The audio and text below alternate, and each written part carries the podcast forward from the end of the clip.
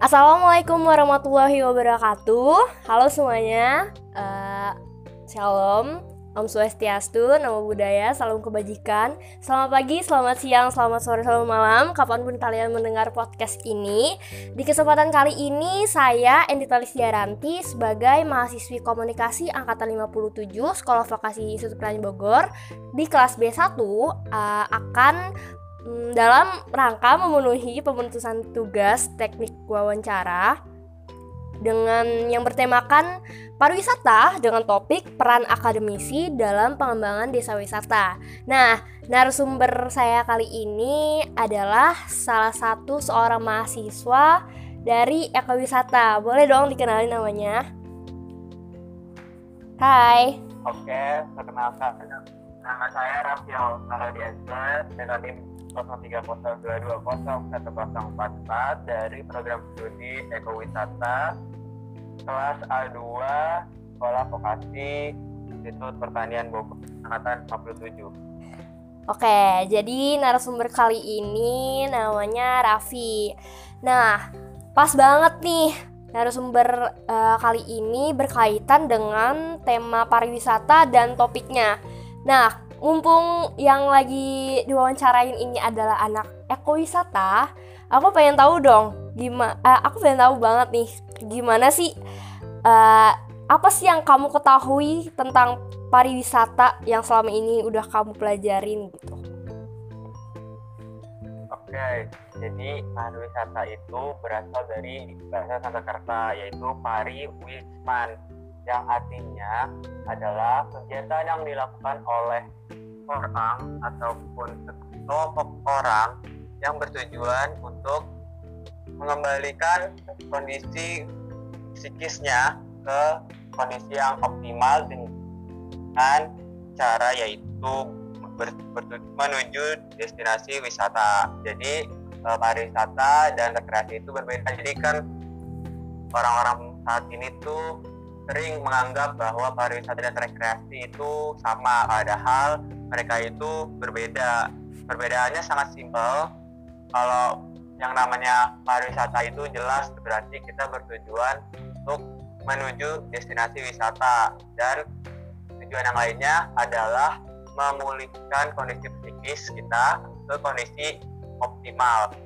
Sementara rekreasi itu uh, kegiatannya dapat dilakukan di mana saja seperti main handphone di kamar itu salah satu kegiatan rekreasi. Tetapi kegiatan pariwisata adalah dengan kita menuju uh, destinasi wisata itu kita sebut namanya kegiatan wisata gitu.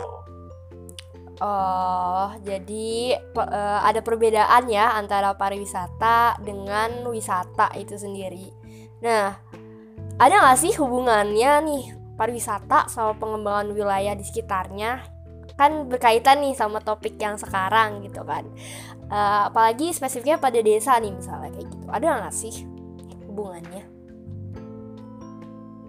Pasti uh, ada ya di Indonesia ini kan salah satu negara yang besar ya dengan 17.000 pulaunya yang notabene itu memiliki wilayah pedesaan ataupun budaya yang sangat beragam. Jadi uh, untuk pengembangan pengembangannya itu sendiri uh, sangat potensial, tetapi jika kita melihat faktanya sangat berlainan bahwa pemerintah ataupun stakeholder terkait tentang dunia wisata itu tidak melirik ke arah sana tetapi lebih melirik ke arah wisata yang seperti bentang alam contohnya pegunungan alam ataupun wisata-wisata perkotaan seperti contohnya di Jakarta ada Dufan di Ancol gitu.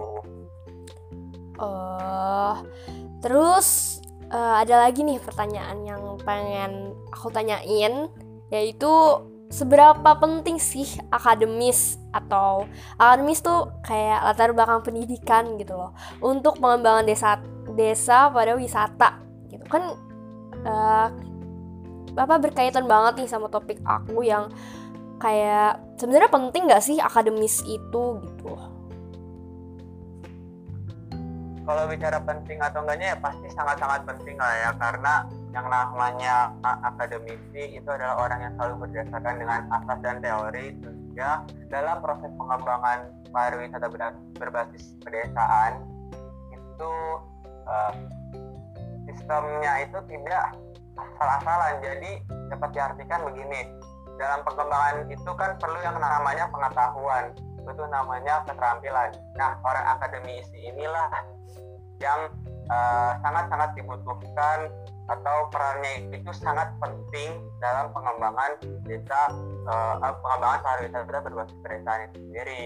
Dan ditambah lagi kolaborasi antara pihak eksternal atau kalangan akademisi dengan pihak internal seperti masyarakat adat atau masyarakat pedesaan sekitarnya itu dapat uh, diselaraskan sehingga pengembangannya itu mencapai ke suatu arah dan tujuan yaitu mensejahterakan uh, masyarakat sekitar dan di sisi lain mendapatkan uh, benefit. Salah satunya uh, pemasukan sumber keuangan atau dapat meningkatkan taraf perekonomian masyarakat sekitar yang berbasis pada uh, akademis gitu. Jadi tidak asal-asalan. Jadi harus berdasarkan dengan asas dan teori begitu. Jadi perannya sangat penting sekali kalau menurut saya. Iya benar sih. Uh, kalau akademis itu penting banget buat pengembangan desa itu sendiri. Nah, dari ngomongin uh, kepentingan tentang hubungan dan segala macam kayak gitu, uh, ada nggak sih salah satu contoh desa nih beneran bener-bener terbukti gitu loh berhasil dan mendapatkan manfaatnya dari dia eh, mereka tuh melakukan dengan mengedepankan akademis itu gitu loh jadi dia jadi salah satu uh, bukti paling nyata gitu lah di desa itu. Ada nggak sih salah satu contoh desanya yang kamu ketahui? Yang saya ketahui itu seperti contoh desa Ubud terus desa Penglipuran itu merupakan salah satu desa yang terbukti berhasil dalam mengedepankan akademisi dalam upaya pengembangan pariwisata berbasis pedesaan. Karena kenapa? Karena kita bisa melihat bahwasannya desa Ubud ataupun desa Penglipuran itu desa Ubud dan Penglipuran itu kan berada di Bali dan kita tahu Bali itu adalah uh, salah satu daerah di Indonesia yang sangat-sangat terbuka akan kebudayaan luar tetapi tetap melestarikan kebudayaan yang ada di uh, daerah Bali di tarian ataupun adat istiadat lainnya.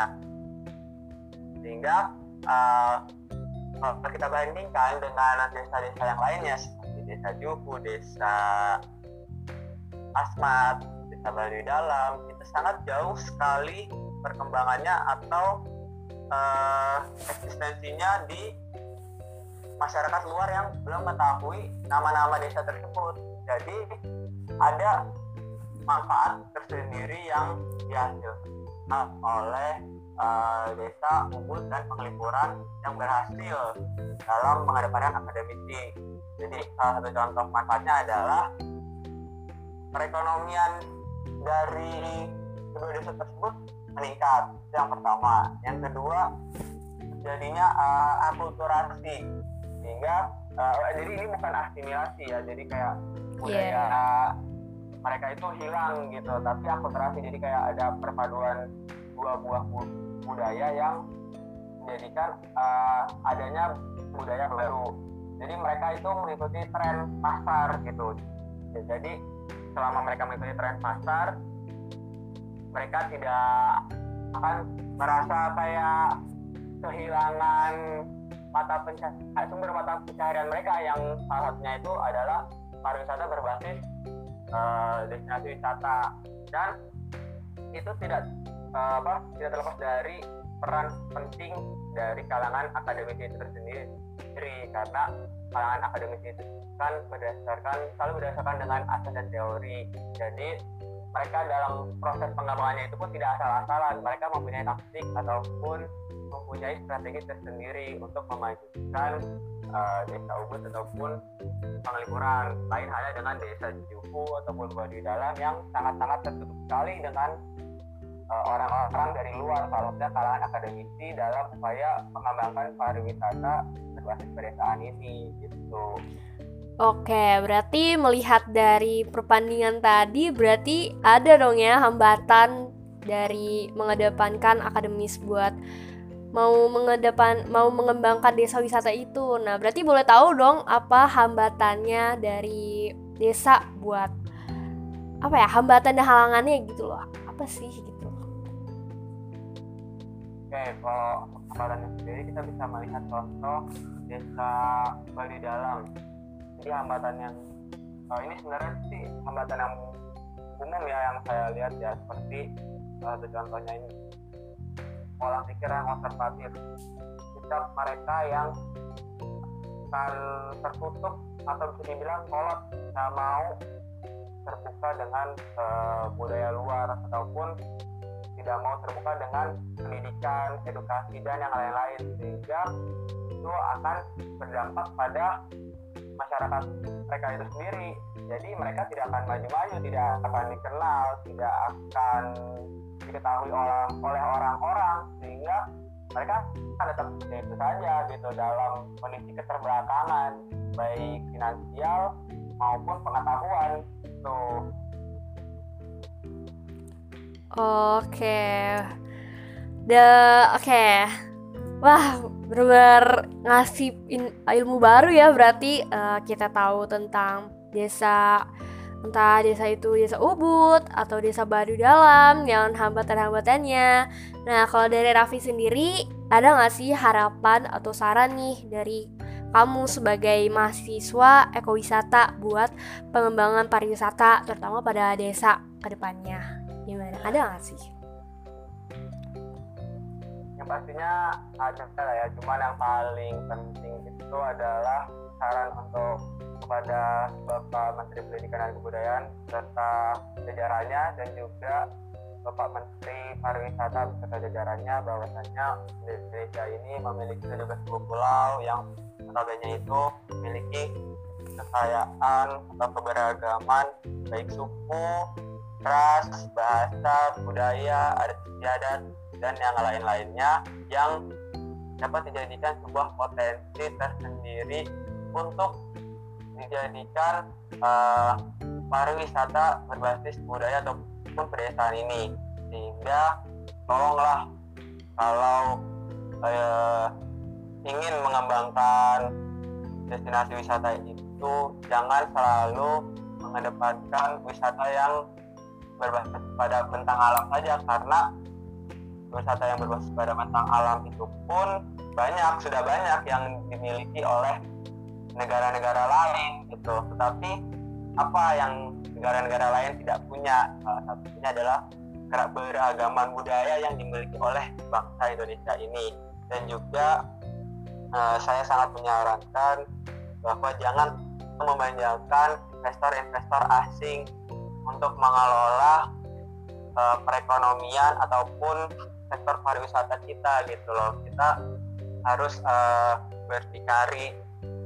Setidaknya yuk kita coba gali potensi yang dimiliki oleh bangsa Indonesia ini salah satunya dengan cara memanfaatkan pariwisata berbasis pedesaan yang uh, kita bisa melihat keuntungan yang dimiliki oleh bangsa Indonesia karena seperti yang kita tahu negara kita ini kan negara yang sangat luas dari Sabang sampai Merauke dari dari Pulau, Pulau Rote ke Niangas itu pastinya memiliki beragam desa-desa adat ataupun kebudayaan yang lainnya yang patutnya kita harus mengelola itu secara optimal sehingga kita tidak ketergantungan pada investor-investor asing yang selalu dimanjakan oleh pemerintah.